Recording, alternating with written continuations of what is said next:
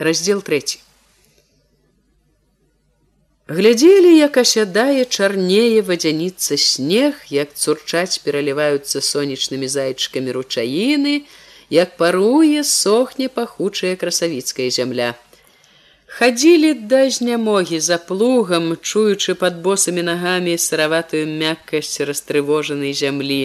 Аралі баранілі сеялі Як і ўсе зранку да вечара быў у поле меканор, араў сеяў, як усе, але думка пра грэблю не давала спакою яму нават у гэтыя дні. Чакаў меканор, калі падступіць тая часінка, у якую можна будзе адарваць куранёўцу ад поля, прывесці на грэблю, часінка за цішку пасля таго, як пасеюць і да таго, як пачнецца сенакос. Чакаў нецярпліва не раз не два хадзіў на ўзболатак ад якога павінна была пачынацца грэбля. Стаяў узіраўся ў холоднае шырокае разводдзе з якога адно вылазілі чорныя дзеркачы кустоў чэзлых бярозак і алешанак вода што разлівалася аж да самай выспы на якой віднеліся з-за хмызняку некалькі крайніх алешніцкіх хат хавала не толькі балота але амаль усю дарогу разам з мастком Першымі днямі здавалася, што разводдзе не спадае зусім і можа быць утрымаецца не толькі ў весну, але як бывала іншы год дастаіць да сярэдзіне лета. Многа дзён сышло, пакуль не ўбачыў, як пачалі выглядваць на пацяплелай поўнай сонца люстранасці першыя купіны вясёлыя сакавіта-зялёныя грыўкі травіцы на іх. Дзень за днём на сонечнай вадзе купін вылазіла больш, то тут, то там выбіраліся грэцца на паверхню ўжо цэлыя астраўкі і ўсюды на кожнай купінцы, на кожным астраўку проста на вадзе зялёная радасць. Зелянела асака, зелянела лаза, ўсё гусцей зелянелі алешнікі. Сыходзіла вада з дарогі, але адступала неахвотна, пакідала ўсюды равы і ямы з лужанамі, чорную ліпучую гразь, што ніяк не хацела падсыхаць. Нельга было і думаць, каб пераехаць ці нават перабрацца пешкі. Са смуткам і нецярплівасцю пазіраў меканор на такую нібы недалёкую, але недасяжную выспу, на якой былі алешнікі. Ужо трэці месяц не адтуль не прыходзіў ніхто, ні туды ніхто не дабіраўся. Трэці месяц не чутно было нічога з сельсавета, з воласці, не было газет. Пасля паўдня цёплым майскім днём меканор наважыўся дабрацца да жаданай выспы. Выпраўляючыся з хаты, узяў даўно ўжо няношаныя салдацкія чаравікі з абмоткамі. Нядобра ж было паказвацца ў чужым сяле, як дома ў лапцях. Чаравікаў, аднак не надзеў, звязаўшы шнуркі, перакінуў цераз плячо, праз свае курані па даволі падсохлай дарозе пайшоў басанож. Ішоў весела і лёгка, толькі перад балотам спыніўся, выбраў з кучы галля складзенага зімой, знайшоў добры моцны дручок, зламаў верх і абламаў сучкі.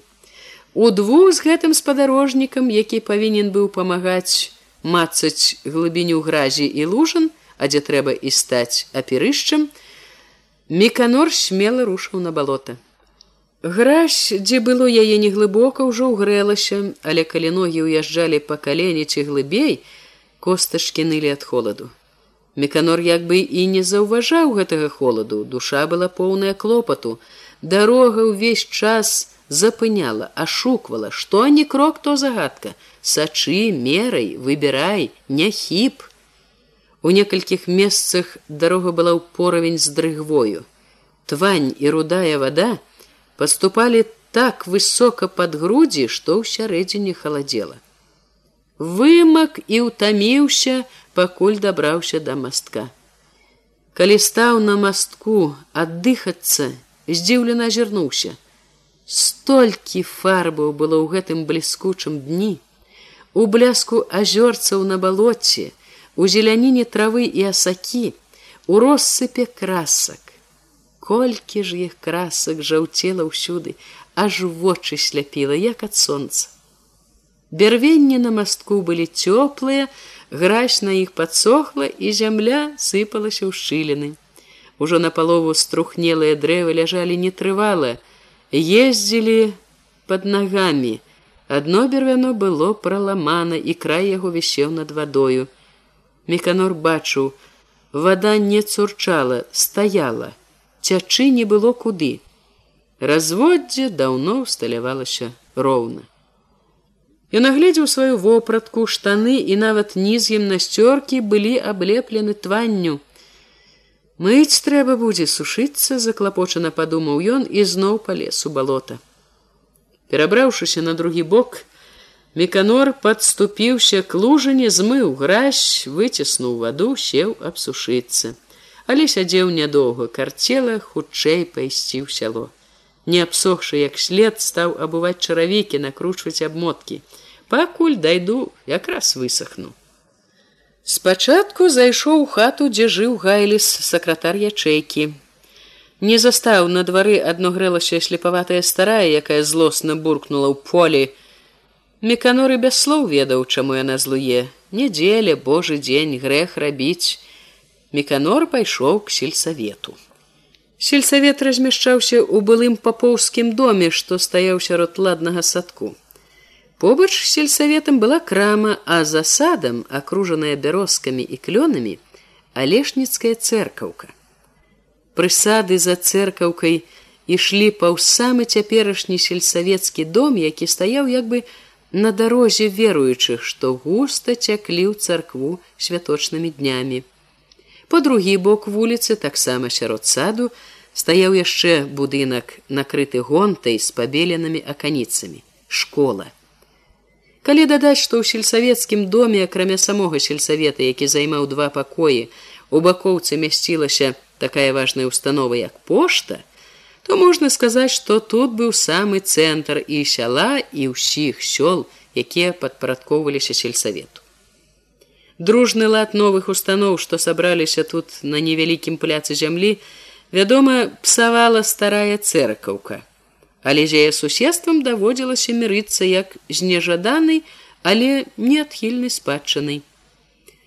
У гэтым цэнтры неўзабаве і ішоў меканор крама на якой яшчэ чырванеў першамайскі лозунг была адчынена каля крамы як звычайна ў нядзелю топілася нямала святочнага народу Людзі стаялі, гаманілі каля сельсавета, пазнаўшы куранёўца спынілі, сталі распытваць, якая дарога ў курані, што ў іх чуваць, як жывуць сваякі, знаёмыя. У будынку сакратар сельсавета і старшы паштар ігралі ў шашкі. Абодва былі так гэтым захопленыя, што, адказаўшы на прывітанне, не зірнулі на меканора. Толькі дагуляўшы партыю і пасадзіўшы сакратара ў адхожае месца, без меры шчаслівы урачысты стары дастаў меканоравы газеты цэлы стус беларускай вёскі. Многія лісты газеты аж пажоўклі ад даўнасці. Стары намерыўся быў пайсці да сакратара што зноў расставіў шашкі але ўспомніў пакорпаўся ў століку падаў меканору пісьмо два месяцы з гакам чакалас сказаў ён за салодой кіруючы да шашак Меканор паклаў газеты на канапу, разгарнуў трохкутнік. Пісьмо ад былога твайго суседа па ложку і аддзялённага, а цяпер курсанта Івана Мороза не прачытаў, а пачуў, здаецца ён вясёлы голас свайго таварыша. І нібы зноў вярнуўся ў казарму, дзе побач, галава к галаве спалі на нарах іх аддзялення, дзе столькі разоў разам ускоквалі, завіхаліся на знак начной трывогі. Зноў нібы пачуў павеў вольнага ветру на мазырскіх кручах рыб дошак на мосце под нястройным крокам аддзялення цурчанне пяску што асыпаўся ў мелкія копчыкі між лазнякуля прыпяці. У першых радках майго пісьма гаварыў иван спяшаюся паведаміць табе што я не сакрэт канчаю курсы і скора паеду на новую сваю работу а куды гэта ўжо сакрэт Меканор нібы пабачыў гарэзную Іванаву усмешачку. І тут прычэпа не ўтрываў, каб не пакпіць з любімага меканоравага слоўца. І не забыў пра гэта слоўцы помніць. З радасцю сустрэчы з таварышам няпрошаная кволая заныла зайздрасць. Цікавая праца будзе ў Івана. Некалькімі радкамі ніжэй таварыш як бы незнарок намякнуў, што будзе служыць на граніцы. І ён меканор мог бы з ім быць.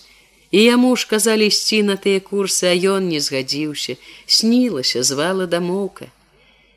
Яшчэ раз сум і зайздрасць вырухнуліся, калі ў канцы каротенькае пісьма прачытаў: ледзь не забыў, прывітанне табе ад кісяля, нядаўна прыслаў вестку, таксама дома заварочвае камуну арганізаваў от табе кісель камуну а тут і з грэблі ніяк не дасі рады попракнула меканора думка. Вуліца пачала стракацець белымі чырвонымі блакітнымі кофтамі хусткамі хлапечымі сарочкамі світкамі людзі ўсё выходзілі выходзілі з-за хаты. Нізалася мірная гамонка старых гаспадароў вясёлы гаварок моладзі. Ва ўсім чуўся спакой святочнага дня і радасць волі. Мабыць кончылася царкоўная служба. Меканор успомніў бацькаў наказ паглядзець ці не прадаюць кос і ўжо намерыўся падацца ў краму калі к дому ціха падкаціла тачанка за пейкам апейка кіраваў сам вітаўся з людзьмі што здароўкаліся з імі кланіліся каля плота калі ён стаў прывязваць коня некалькі чалавек акружылі яго пачалі аб нечым раіцца распытваць. Меканор пастаяў паблізу але апейку было не да яго і ён сеў на парозе пачакаць калі старшыню адпусцяць. А якраз дарэчы узрадаваўся апейка убачыўшы меканора успамінаў ужо думаў як бы дабрацца толькі ж як дабярэшся да вас? Аэрапланам хіба? Дык не далі. Ён загаварыў клопатна. Болей за паўволасці адарвана. Кіраванне называется ну што у вас? Сяўбу скончылі. Пасеялі. Настрой які ў людзей. Чутак ніякіх не ходзіць страшна. Пра вайну там пра чарцей балотных. Ды не ціхо іншы раз хіба маслака прыпомніць. Матка якая сына пастрашыся а так ціхо спакойна гэта добра. Пора і вашым к спакою прывыкнуць. За грэблю калі возьмешся? Дык от думаю цяпер. Самы час бярыся не валаводця попусту. Упусціш момант не сабярэш нікога. Дык от кебалешнікі не запазніліся. Кебу адзін дзень зразу з абодвух бакоў. Абяцалі што не падвядуць.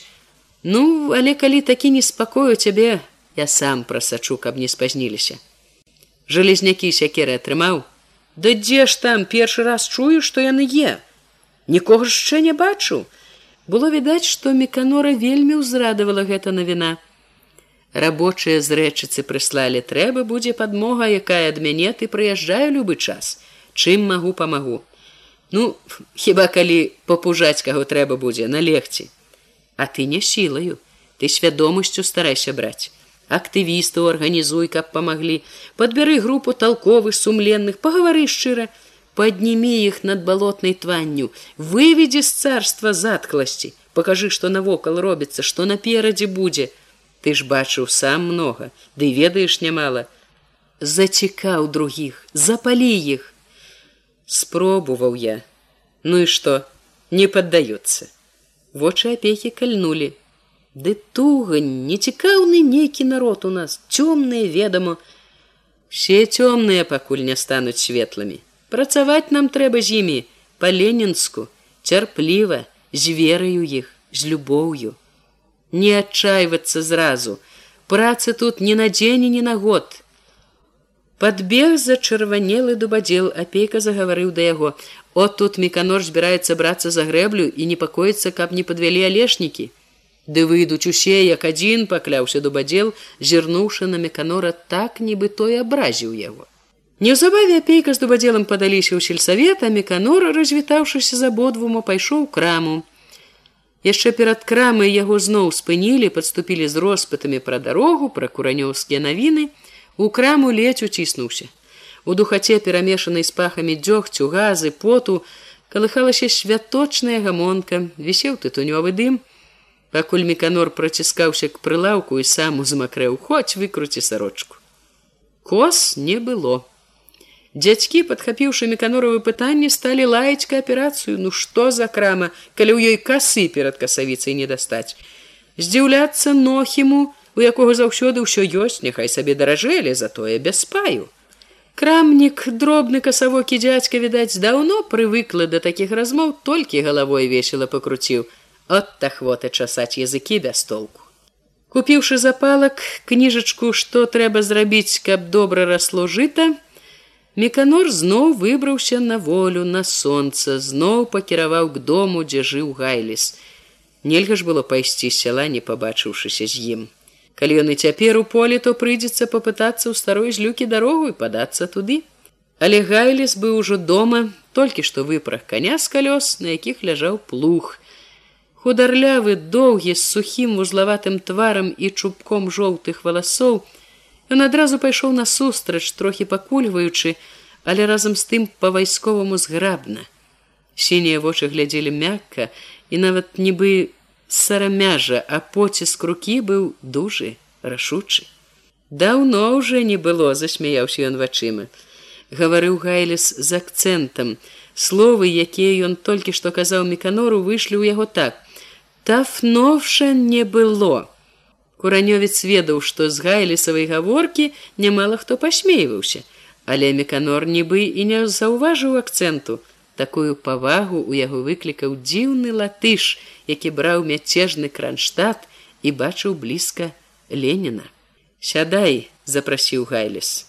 Яны селі на бервяно каля хлява і гайліс зноў пяшчотна засмяяўся. Давно уже не было. Тры месяцы. Тры давно. Беру у лесе, а мы тут брат такія справы заварочваем па-першае у алешніках у глінішчах машынныя таварыствы у алешніках яшчэ малочныя дзіцячай радасцю сінелі добрыя вочы. Меканора гэта таксама радавала. Але як і тады калі ў марозавым пісьме чытаў пра кісялёву ўдачу да радасці прымяшалася зайздрасць смутак зноў нібы пачуў дакор сабе Клуб стаў клубам кожны вечар адчынены бібліятэка, гурткі агранамічны, антырэлігійны, драматычны. Падрыхтавалі смешны спектакль, называецца прымакі, а напісаў Янка купала. Вельмі смешная штука. Людзі жываты папарвалі. Мы от спектакль вазілі паказваць у глінішчы і ў княжыцу. Таксама смеху было. К нам бы прыехалі приехали б дык дьявол яго знает як добраться. Артысты могут потопиться. Наогул брат твои курані мне як зуб баліць вельмі баліць як скула.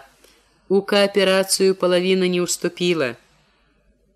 Калі гаворка пайшла пра грэблю з хаты выйшла дужая лагодная маладзіца з поўнымі голымі руками паклікала обедаць меканор хоць бачыў яе не ўпершыню чуў сябе трохі няёмка, не ведаў добра дасюль, кім яна была гайлісу гэтая прынадная ўдавіца салдатка, што прытуліла бяздомнага добрага латыша. Жонка не жонка, все навокал гаварылі, што вяселле не гулялі, а вось жа цяжарнае праз месяц другі народзіць. Дзіўнае было ў іх жыццё, дзіўнае знаёмства. Толькі адзін вечар пабыў у любы харытоніхі ўзводны гайліс, калі гналі за прыпяць банду балаховіча, але і праз год сярод усіх сваіх ваенных дарог не забыў сцежкі да яе хаты. Вярнуўся, а сеў каля ўдавіцы. Хаця куды ж падацца было яму маладому, адзінокаму, калі родны кут застаўся недзе там па другі бок мяжы. Галіс запрасіў імі канора паабедаць але меканор сказаў што няма калі трэба дабірацца назад пакуль светла дамовіўшыся аб усім што датычыла пачатку работы пры грэблі ён ускінуў на плечы дзве важкія нізкі сякер і жалезнякоў якія гайліс вынес сенцаў. Это груз. Як пакаўзнесся ў ваду зразу на дно засмяяўся меканор. Праз хвіліну згорблены ён тупаў ужо к балоту Заходзіў на двары у хаты ў хлявы на прыгуменні, дзе каго мог бачыць, загадваў заўтра ісці рабіць грэблю. Побач пакорліва цягнуўся грыбок, то падтрымліваў нясмелым аге, то зусім маўчаў. Прыйшлося зноў меканору ні аднаго ўгаворваць, ні з адным нават лаецца, нібы не было ніякага сходу, ніякай пастановы, хоць ты пачынаю ўсё спачатку. Праўда, чарнушка, да якога меканора з грыбком збочылі найперш, сам слова не сказаў супроць, але затое жонка яго так накінулася, клінучы балота і грэблю і сход дурны, што меканор выйшаў з хаты, не даслухаўшы ўсяго. Васіль дзяцел на меканору загад незадаволена засоп, адвёў вочы ў бок, тут са сваім няўпраўка і без таго, як шкурат круцішся, Ну пазней жа горай будзе адарвацца на грэблю. Ну горай то горай, ды цяпер. Іван зайчык сустрэў весела ахвотна сказаў, што прыйдзе, калі толькі меканор з грыбком пачастуюць гарэлкай. Пастаў меканорку бочку гарэлкі, Дык не тое, што я ўсе прыпусціць на выперадкі, Я і богу, меканорка, прыляцяць от пабачыш, толькі скажы і прыляцяць. Ну, можна, канешне, тую гарэлку не весці, а толькі паабяцаць, будзе, маўляў. Но потым, як сабяруцца, скажаш, няма, Ой смеху будзе. Ларывон, якому трэба было прыехаць з канём, заявіў на адрэс: « Што я гарбаты, другія бясконія мне дык каня губіць. Ну прыходзь без каня ўскіпеў меканор, у балото палезеш канаву капаць. Здавалася, пасля ўсіх гэтых спрэчак, усёй прыкрасці, такім прыемным павінна было прыйсціся ветлівае абыходжанне глушака. Ён не толькі сказаў адразу, што абавязкова прыйшлі яўхіма з канём, але нават пахваліў, што добрую справу ўзяліся рабіць. Хоць таксама шветліва без лішняй гаворкі правёў глушак іх завароты, у меканора было такое адчуванне, як бы даткнуўся да чагосьці слізкага, холоднага. Що сяло абышоў меканор, ні аднаго двара не мінуў, вяртаўся да хаты ўжо ў добрых поцемках стомлена ўзрушана думаў. Зноў столькі прыйшлося ўгаворваць упрошваць дакараць. Нібы гэтыя грэблі не ўсім а яму аднаму трэба. Ось жа людзі. Што б не сказаў зрабіць що насуперак як бы бяду якую ім рыхтуеш. Раніцай ледзь толькі ў расхрыстанай зрэбнай сародцы басаногі выйшаў на ганак кінуў вачыма навокал прыслухаўся збіраюцца на грэблю ці не збіраюцца. Убачыў за плотам васіля які паіў жолаба коня па халаднаватай роснай траве падышоў да хлопца паздароўкаўся. На грэблю собираешься Васіль адвёў вочы ў бок буркнуў як адмахнуўся. Ты пойдзе нехто чаго это нехто ну мабуть дзед пойдзе. То чаму ж дзед а ты? А мне і тут работы по горло. Ды ўсім дома работы багато. Это ж не сакрэт. Да калі кожны будзе дзядоў дыба пасылаць а сам дома сядзець от то мы грэблю зробім. А тут ты за мяне рабіць будзеш і тут і там ніхто за цябе рабіць не будзе меканор загаварыў грозна загадна тут як сабе хочаш рабі хоць дзеду хоць валочку поручай а на грэблі кеп быў сам Меканор павярнуўся злосна цвёрда пакрочыў да хаты. От жа натура так і глядзіць, кеп збоку пераседзець, ледзь не лаюўся ён думаючы, аж калоціцца, кеп не перарабіць за другога. Малакошчы матчына не абсохла на губах, а ўжо за ўсіх хітрэй будь хоча. Не першы раз успомніў вайсковую службу. Папаўся б ты мне там такі, я б цябе не сакрэт у мэнт чалавекам зрабіў бы.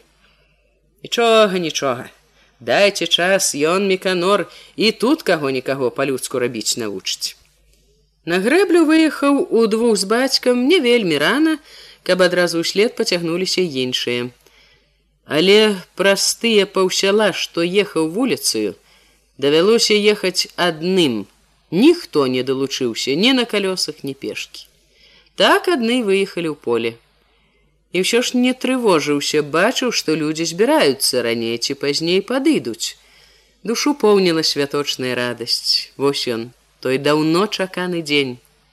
А дзень выдаўся як на заказ на лагодным агромністым прасторы неба не было ні адной хмурынкі толькі зіхацела вясёлае скрыстае сонца агароды куп'есты выганны якім чарнушкавых хведька сцярог аблавухую свінню ціхія зараснікі за сажалкою поле што выходзіла з-за зараснікаў все радасна святочна праменілася нібы таксама ведала які сёння ранак. Усё-ткі чым бліжэй пад'язджаў да грэблі чым далей азіраючыся на хаты не бачыў нікога следам настрой хмурнеў Калі ж прыехаў цагельню і спыніў каня на ўзболатку, пачуў сябе зусім неякавата. Камандзір без войска. Праўда, на другім баку, дзе віднеліся на выспе алешніцкія стрэхі, таксама не было ні душы. Нават гайлес яшчэ недзе збіраўся. Меканор заўважыў, што над тванню на дзяржавай балотнай вадзіцы яшчэ дыміцца пара. Паспрабаваў супакоіць сябе, рана выкаціўся. Каб не траціць час попусту, ён паслаў бацьку вазіць пясок, а сам стаў размячаць пачатак грэблі паставіў некалькі вешак, пралажыў канаўкі, згадаўшы, што такія канаўкі рабіў летась, калі паказваў, як капаць акопы. За гэтым заняткам ён і ўбачыў дзве постаці, што ішлі к грэблі аб нечым гамонічы, зводалек пазнаў сароку і зайчыка. Каля меканора сарока як бы схамянулася, агледзелася, Ой, бегла баялася, каб не спазніцца, а прыбегла адна моя спадніца. Ну, спадніца адна, штаноў трое, паспрабаваў падтрымаць я жарт зайчык. І спадніца адна і штаноў мала, нешта курані заспалі. Слухаючы яе вясёлую гамонку з прымаўкамі меканор заўважыў, каля цагельні паявіліся яшчэ калёсы. Ужо калі яны былі блізка і меканор добра бачыў, што едзе чарнушка з дачкою, з-за цагельні выплешчылася яшчэ постаць з жалезняком. Меканор яшчэ здалёк разгледзеў хоня ідзе. Пакуль парадак у табары сваім навёў, загаварыў хоня, як заўсёды жвава бадзёра, думаў, спазнюся са ўсім. Вочы пазычаць баяўся прыйдзецца, аж не, Хоць ты задавацца пачні, ледзь не першы. Каб так у арміі цягнуліся, дак камандзір так бы на цагундар узяў бы, што не рады былі б, сказаў меканор. А ты б і тут узяў бы, а? параіў зайчык да аднаму штрап другого кутузку забегалі б не бойся хто забегаў бы у каго не вельмі той падагнаў бы разважліва прамовіў хоня. Учоныя ўсе воля знаюць. Дысцыпліны трохі непагано б не сакрэт сказаў меканор курылі гаманілі то пазіралі ў бок цагельні ад якой паўзлі яшчэ калёсы ды ішліхі сталіся ў хадзе некалькі постацей дзядзькоў. То аглядваліся на той бераг, дзе збіраліся алешнікаўцы, там таксама людзей было не густа. А сонца, бач ты, прыпякае, высока ўлезло. Хто мяне выпер са двара ні свет ні зара, пашкадавала сарока. Шэб магла і свінням зварыць і тое що другое зрабіць. Ой, усяго не пераробіце, цётка ў доце. Ну, тое що яшчэ і ухапіла б, чым тут тырчаць няміла. А вы падрамалі, як каторая дазвалася са смехам Ганна зірнуша на некалькіх дзядзькоў, што разлегліся ў траве. Хоць сабралася людзей пакуль небагата, Меканор адчуў нельга болей марнавацца. Хто прыйшоў з тым і пачынаць трэба. Няхай прывыкаюць да парадку і тыя, хто тут ужо і тыя, якія прыйдуць, будуць ведаць, як пазніцца. Ну што ж, валаводзіцца няма калі, як бы я жыў Меканор.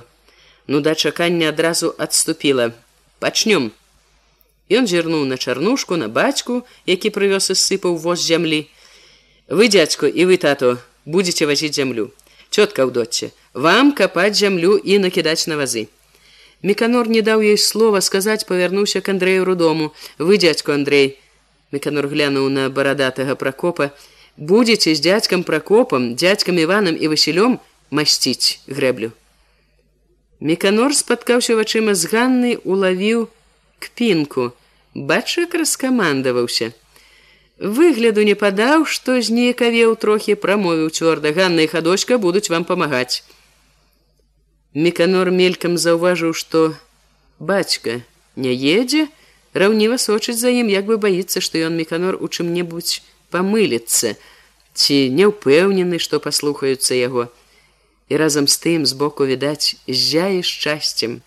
Бачыць сына на чале столькіх людзей усіх ключы куранёў. Меканор паказаў на дзве вялікія вехі пастаўленыя яшчэ зімой на радкі дробных вешак якія уткнуў толькі што. От так у шыркі. Тут пасярэдзіне грэбля а вот тут па баках канавы чтоб вада сцякала. Ён угледзеўся ў другі бераг. Там на тым баку відно вешкі? Відно там конец грэблі туды трэба весці грэблю роўна як штык ясно Меканоры сам адчуў, што на доле яго выпала неабыякая роля. Гэтае адчуванне было ў ім не ўпершыню, было яно і на сходзе, калі яго назначылі, і потым, калі думаў пра грэблю. Але цяпер справа, якую раней толькі ўяўляў, станавілася ўжо дзеяннем не аднаго яго, а многіх людзей. І важнасць гэтай ролі як бы вырастала. Ні на каго іншае на яго меканора глядзелі людзі, чакалі загаду, куды ісці, што рабіць, ад яго залежала размеркаваць паставіць усіх так каб работа пайшла добра суладна. І няхай тут небагата сабралася але ж не адзін тут такі што ў бацькі яму годны гадамі. І камандаваць усімі што не кажы цяжэй чым аддзяленнем якое б яно не было за службу пабачыў меканор што свет навокал вялікі але ў гэтым свеце не было для яго нічога большага як гэтая купка людзей як грэбля, якую яму належала пракласці цераз балота. Ну от, сказаў ён строга, як бы паказваючы, што загады, якія ён толькі што даў, ёсць нешто іншае, як загады.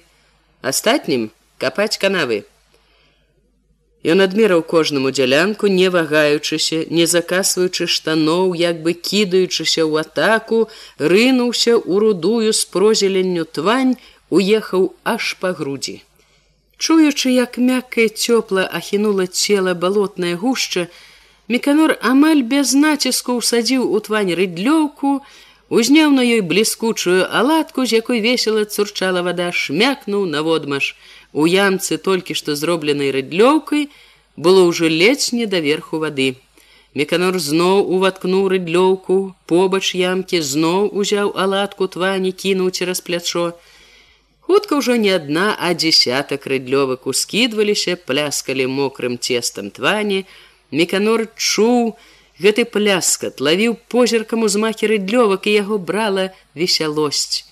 Быў неяк асабліва дужы хацелася спрачацца з другімі сілаю спрытам гнацца на выперадкі.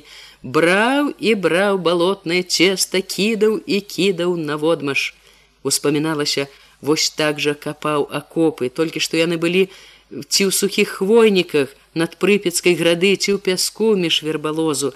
Там на градзе ладная вайсковая рыдлёўка часта скрыгатала аб камення а тут багнаватая мяккаць і не чуеш як улазіць жалеза багна аплывае з беражка пясок таксама аб'язджаў Як незаўзята кідаў рыдлёкай на дарогу ад цагельні ўсё ж паглядваў, цягнулася яшчэ кубка куранёўцаў.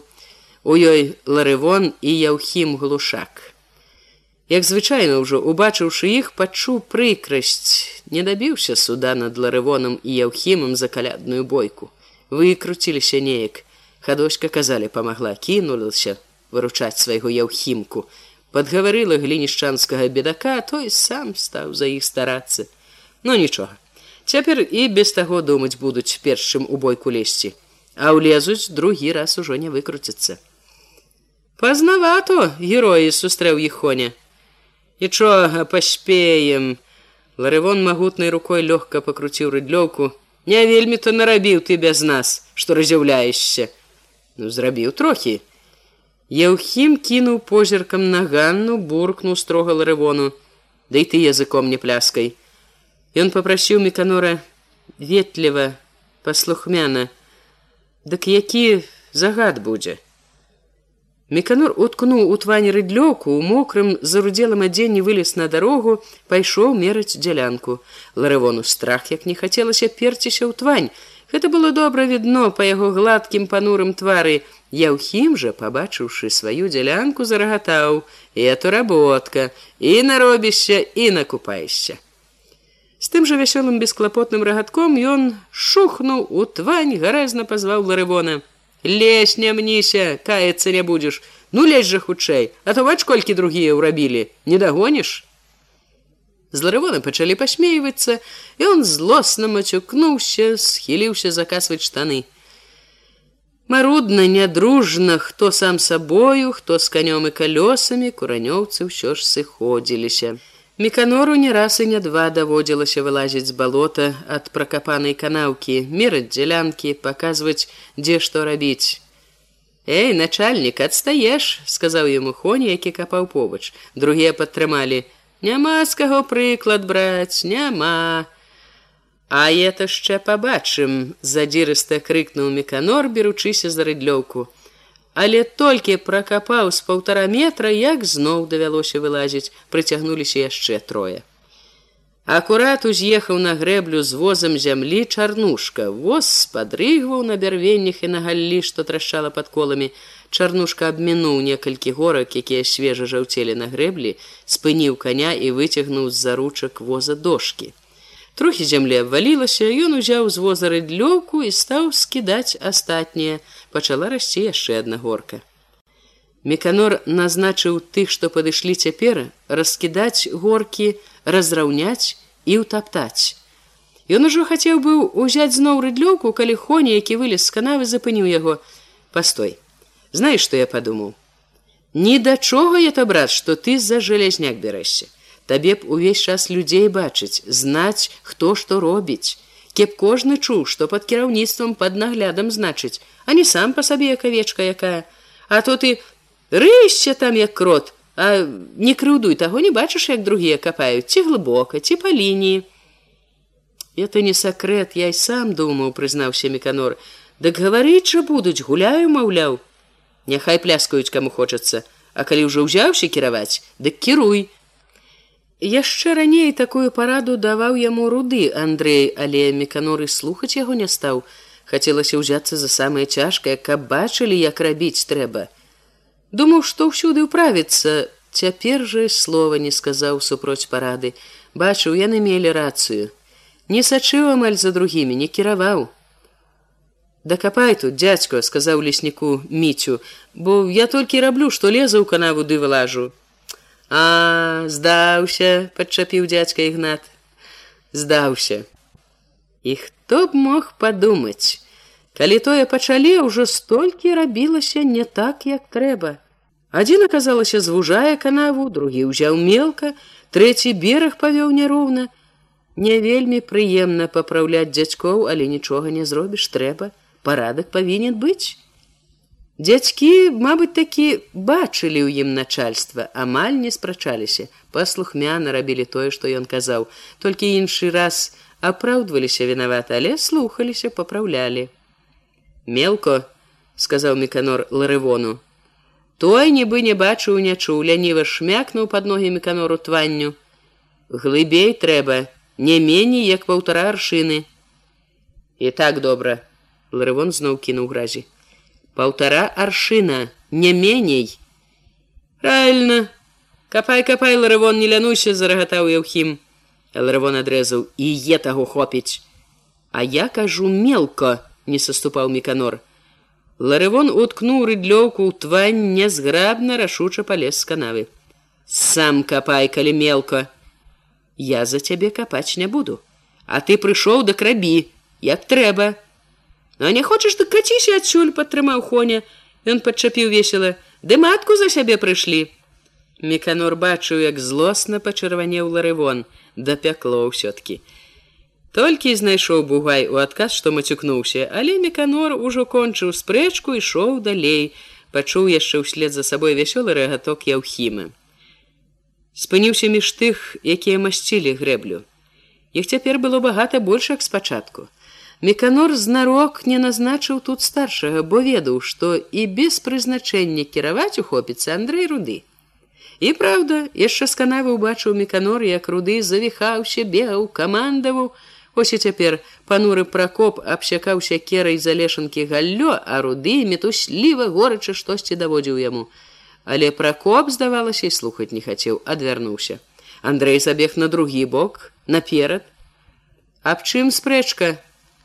Да вот так сказаць, галіна не ўмела адчакае, кінуўся з надзеяй к меканору руды тыя которые тырчаць унісці ўверх сячэ яны так сказать мешаюць пакласці дерева на зямлю тырчаць ён следовательно сцякае ну і правильно что сцякае прокоп ужо стаяў панура сціскаў валасатай рукой сякеру маўчаў меканор перабіў рудога.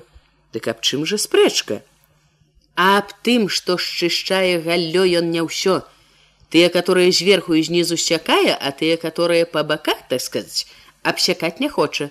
Думае, следовательно, можна масціць на іх другія друкі і паплецены, што, так сказать, зусім няправільна. Чаму няправільна? Дак па іх жа потом будзеш ехаць, як па спружынах, подкидывать будзе. Пракоп з пагардай плюнуў. Было відаць тое, што казаў руды, ён лічыў такім глупствам, што і гаварыць не хацеў. Меканор стаяў між іх і адчуваў, што абодва чакаюць яго слова, абодва ўпэўненыя ў сваёй перамозе. Яму ніколі не даводзілася масціць грэблю, але тое, што казаў руды, здалося яму выдумкай.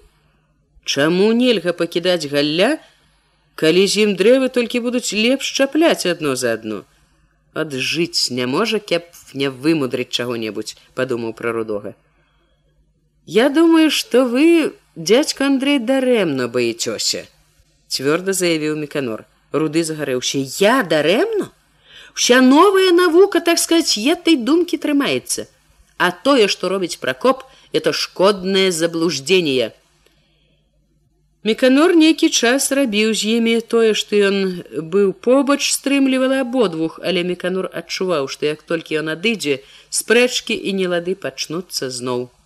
Трэба было паставіць некага тут за старшага. Да Андрэя, як да чалавека ў меканора было больш веры. Робіць шчыра ад усёй душы, пракоп жа ў вочы. Ніколі проста так не зірне, тоець нешта, здаецца. І ўсё ж меканор выбраў за старшага пракопа. Гэтага будуць слухацца у гэтага будзе лад. Яшчэ раней заўважыў меканор што зямля з бакоў грэблі асыпаецца ў канаву і падумаў што трэба сплесці пляценьчык работа е ў мяне для вас дядзьку андрей сказаў рудому. Важнецкая акуратная Васіль быў між тых якія масцілі грэблю. Ён трымаўся пракопа і было відаць стараўся дагадзіць яму. Люпа было бачыць меканору, як хлопец стараўся, нібы не ён хацеў бы адкруціцца, паслаць деда. Але хутка меканору кінулася, што пракоп злосна зіркнуў на свайго памочніка, дзятлік нібы не бачыў таго, што рабіў. Тады меканоры заўважыў, што хоць Васіль увіхаўся каля старога са ўсёй нібыта душой, Ён не так памагаў, як замінаў. Куды больш чым за пракопам васілёвы вочы сачылі за ганнай чарнушкавай. Іншы раз мусіць адну я ей бачыў.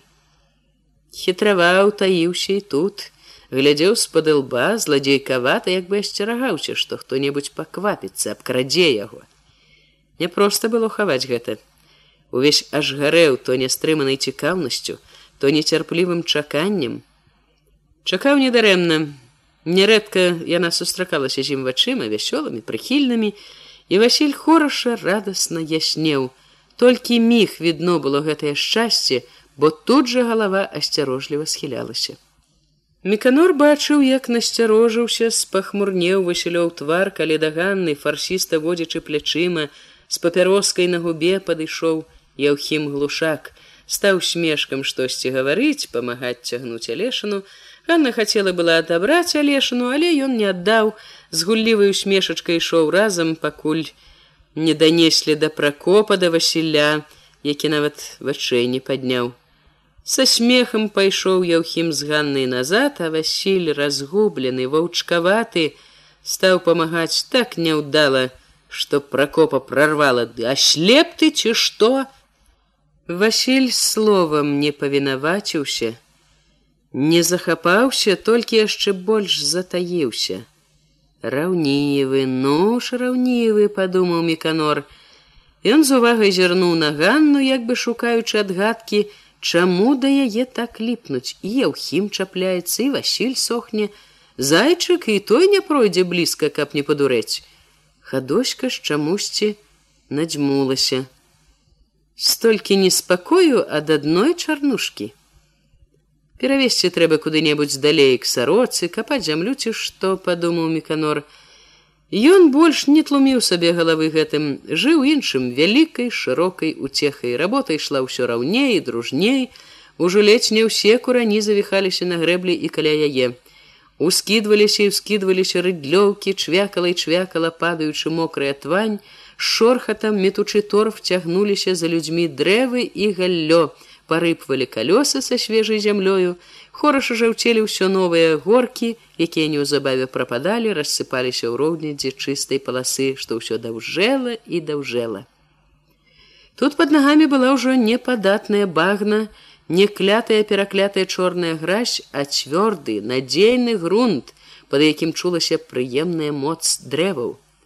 Перамяшаная з пяском зямля на паверх жаўцела весела, святочна. Маладыя і пажылыя мужчыны і жанкі, белыя фарбаваныя зрэбныя сарочки, кофты, паркалёвыя хусткі, Калі яшчэ было, каб столькі людзей у каранях сышліся разам адзін к аднаму, на адзін клопат, на адно добро, Меканор бачыў на другім баку такія ж постаці, такія ж сарочкі і хусткі. От каб сабраць усіх так і на балота. Ды каб не толькі з куранёў і алешнікаў, каб яшчэ з глінішчаў, з мокуці, з хвойнага, От бы лугоў нарабілі, От бы зямлі прыдбалі і ўраз бы лягчэй стала дыхаць. Толькі ж цемната якая. Ты іх, як той казаў, тварам у малако тыкай ўсё роўна не дадуць веры як бы не хочуць бачыць добра свайго. Сонца ўгравала ўсё мацней, было душна і парна. Твары заплывалі потам, сарочки не высыхалі, усе праглі піць. Меканору прыйшлося паслаць пад воду прывесці бочку вады. Яшчэ да таго, як падвода вярнулася, ляснік міця вылез з канавы, аб'явіў неяк просьба як патрабаванне: трэба перадыхнуць. Некалькі галасоў дружна падтрымалі яго, за міцем пачалі выбірацца з канаў, абціраць твань з рук, з твараў другія і меканор даў каманду зрабіць перадышку. Все сыходзіліся на грэблі. Большасць мокрая вышэй пояса, запляпанымі тванню сарочкамі, з тварамі бруднымі, чорна-рудымі, хто стаяў курыў, хто садзіўся на мяккую яшчэ не раскіданую горку, хто разлягаўся проста на зямлі. Гаманілі, жартавалі, Зайчык нібы незнарок прытуліўся да ганны, раптам ушчыкнуў яе за бок. Дзяўчына няласкавая штурханула зайчыка, але строгага жартаўніка гэта толькі павесяліла. Вы б дзядзьку этой штучкі з якой равесніцай сваёй, з цёткай сарокай бы. Ахвота мне з сарокай з гэтым старым дзіркачом. Дык і вы ж здаецца, не кавалер малады. Ну, малады ці не малады, а на маладое цягне. Та вас уже на печ цягнуць павінно цягні на печ і на дзевак страх падахвочаны агульнай увагай смешкамі ён зноў намерыўся ўшчыкнуць ганну але яна пагразіла дядзько таўхану дык у балота палеціце але зайчык ухмыльнуўся а ўсё ж адступіў. Злая ж ліхо на яе таўханей праўда ў балоце выкупаешся. Ледзь толькі ён крыўляючыся адышоў ад ганны да яе рушылі яўхім з ларывоном Але тут насцярожаны строгі падступіў і Васіль. От кумедія, паківаў галавой Андрей руды, як каршакі таскаць! У дваіх каля адной. Хто ў дваіх не зразумеў меканор. Ды дзятлікай глушак я ты. У дваіх як каршакі следовательно, каля адной. Дарэмна ён круціцца, глушак не выйдзе ў яго нічога. Ета яшчэ так сказаць віламі на вадзе пісано. Меканор толькі мелькам зірнуў на Васіля і Ганну. Яму не здалося гэта такім цікавым, як рудому. Вся ўвага меканора была з пракопам, які, уткнуўшы бараду шырокія расхрыстаныя грудзі, важка сунуўся ў сцяж канавы, панура аглядаў, штосьці думаў. Дзіўны, звераваты чалавек. Заўсёды здаецца, штосьці тоіць нядобрае, а сам жа нібы не злы, не паганы. Чаго глядзіце, не вытрымаў меканор. Лясун схаваў вочки под густой чарнатой броў. Так, нічога. Глядзіце не лепей на канаву перабрацца, падчапіў зайчык. Работа там зайздрасць бярэ. Каб яе руки не чапалі работу такую, вылыўся нібыты гнат, што сядзеў на капцы зямлі. Рыйся ў гразі нібы чорт лазаты. Лето, так сказаць, не зіма і ў балоце следовательно не так як зімой цёпло мякко хацеў пажартаваць руды а вот пакапайся ў гэтым мяккім а на што яму яму і тут непагану Я там раблю, куды следовательно пастаўлены, не здаўся Андрей. От заўтра ідзі, а я нібыта на тваё месца. Правільна, па чарзе. Але ж вы перарабіліся, загарэўся меканор. Толькі можна сказаць, улезлі ў балота, намачылі па сталы, а ты ж і таго не пабуў. Чаго ён не астаўся там і дурань знае, заступіўся за меканора Хоня. Хоню ніхто не запярэчыў, і меканор пачуў, што чалавек сказаў крыўднае яму ад таго, што самога пакрыўдзілі. Не трэба было так кідацца, мякчэй трэба было, папракнуў сам сябе меканор. Ён загаварыў, нібы апраўдуючся. Ну, канешне, не сакрэт, у твані не соладка, ніхто не кажа, што рай. Дык э, хіба ж мы не ў твані ты з дня ў дзень? То-то яно і без етага ачарцело. Ігнат дадаў грэбля я то нам нібыта белая булка, калі чорнага хлеба не бачыш. Як хто, а я так і ад етай бяды ад белай булкі не адмовіўся б, калі ўжо няма хлеба, сказаў весела Хоня, якога падтрымалі дружныя смешкі. Калі смешкі аціхлі, ён прамовіў задуменна, сур'ёзна. Кален не памачыўшы, мабуць, нічога не дабудзеш, ні булкі, ні хлеба чорнага. Е, то праўда, ніхто ў рот не пакладзе, падтрымаў Алёша губаты. Сё-ткі грэц яго нешта ўрабілі ўжо, Чарнушка глядзеў на жаўтаватую паласу грэблі. Небагата пабулі, а ўжо сказаць і відно трохі. Не вельмі нібыта і відно, это як жменька скошанага на вялікім лузе. Работы не сакрэт багато згадзіўся меканор, а толькі ж не попусту яна на карысць і людзям і сабе. От што по-мойму галоўнае. Потом, канешне, нічога не скажаш, а не гадкі будзем, абы у тагорыч усё, Алёша губаты заклапочана задыміў цыгаркаю. У тым і соль уся, што багораць, а потом, потом, канешне, маючы сваю грэблю, а не гадкі. А гораем, Хоня разлёгся на горцы пяску, пацягнуўся дужа, жмурачыся ад сонца, сказаў веселы: это толькі пачынаць страшно. На мурзатым ад твані твары зубы бліснулі бела ярка. Що выканаем, калі людзей сарганізуем. Трэба меканор дамецевіч перапісаць усіх, которые не явіліся і, так сказаць, заставіць у абавязковым парадку.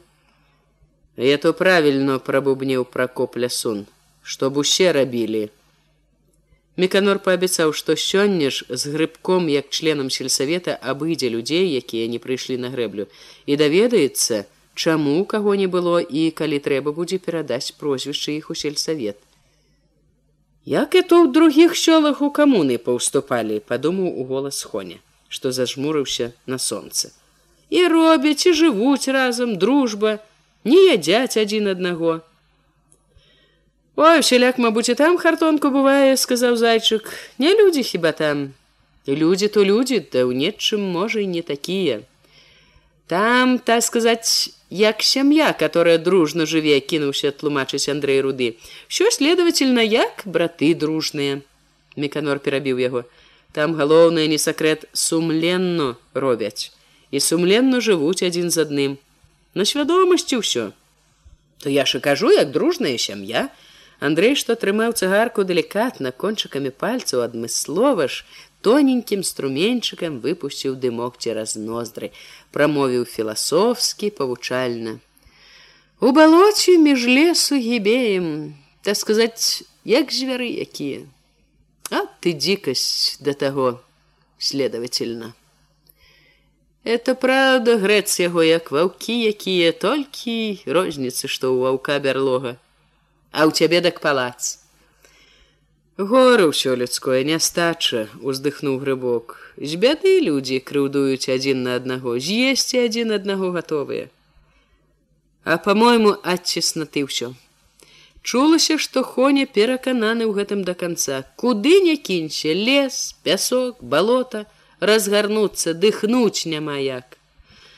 Жытка маць яе, жытк то жытка ды самі вінаватыя курылі моўчкі думалі кожны пра сваё то сё з дзядзькоў драмаў зайчык першы разбіў думную маўчанку ну то ж мабуць яшчэ ніколі не было чтоб столькі сыходзілася на якую работу разам як у юровича на добры базар дзетачкі Праўду казалі галава я ты апейко і алешніцкіх на помач. У етым грэц яго ўся рацыя, чтоб народ падняць, А як народ паднімецца, дык усё зробіць. Отжа, кеп можна было тое, што меканор на сходзе казаў, з юначым захапленнем загаварыў Алёша. Кеба сушыць балото, ды жыта, авёс і ўсё другое пасеяць. Это ж зямлі было б, сказаў: возьми яе. За Алёшу адгукнуўся Хоня. Бяручы некаторыя. Людзі не вельмі спрачаліся, чулася гарачыня і стомленасць. Меканорый самога хіліла на дрымоту, і ён падумаў, ці не на дождж санлівасць гэта паказвае, але неба было пакуль чыстае з рэдкімі белымі хмаркамі, што здавалася таксама драмалі ў нерухомай гарачай высі. Не вельмі думалася ў спякотнай дрымотнасці, але цераз яе меканор чуў настрой у людзей змяніўся, як бы самі людзі змяніліся, адарваліся ад стаянкі, крануліся і ось ідуць ідуць, і хоць чорныя ад твані, хоць млеюць ад спёкі, дарога ўжо не такая непрыемная нібы, не палохае ўжо. Цікавая нават дарога, вабіць, бадзёрыць, весяліць людзей, кліча зазірнуць, што там далей на ёй. І нашы куранёўцы не горай за другіх плылі паволі думкі ў меканора, і з нашымі можна рабіць, абы толькі падняць ды павесці, а так яны пойдуць, людзі як людзі. Нічога, мы яшчэ пакажам з етымі людзьмі. Ён весела адагнаў млоснасць, устаў першы. Так можа, перадыхнулі ўжо. Перадыхнулі ўставу чарнушка, можна ехаць. За імі пачалі ўставаць і другія. Амаль два тыдні дзень у дзень збіраліся куранёўцы на грэблі, капалі канавы, цягалі галлё, вазілі, раскідалі зямлю, Пад канец другога тыдня грэбля выміралася ўжо не дзясяткам другім крокаў. Без малога на вярсту міжбалотных алешнікаў беразняку шызых купчастых лазнякоў на прасткі ішла жаўтлявая цвёрдая паласа, па якой так лёгка, так радасна было ісці і ехаць возам. Дні гэтыя былі не самыя турботныя, мусіць самыя шчаслівыя ў меканоровым жыцці. Яшчэ б які тыдзень другі і абодва канцы грэблі маглі б сысціся. Яны былі ўжо як дзве рукі што вось вось павінны былі злучыцца але акурат у гэты час жыццё на грэблі стала хутка ўціхаць. Што ні дзень людская ўвішнасць тут спадала і спадала все менш і менш прыходзіла на грэблю людзі жылі іншым клопатам. І як ні шкада было меканору гэтага ніяк не можна было змяніць подступіла касавіца. А за касавіцай блізілася жніво, значыцца сціхала на грэблі не на дзень, не на два, надоўга. Сціхала і нічога не можна было зрабіць, трэба было і самому ісці касіць. Касіць і чакаць, калі зноў прыйдзе час для грэблі, чакаць доўга, да позняй восені, да зімы.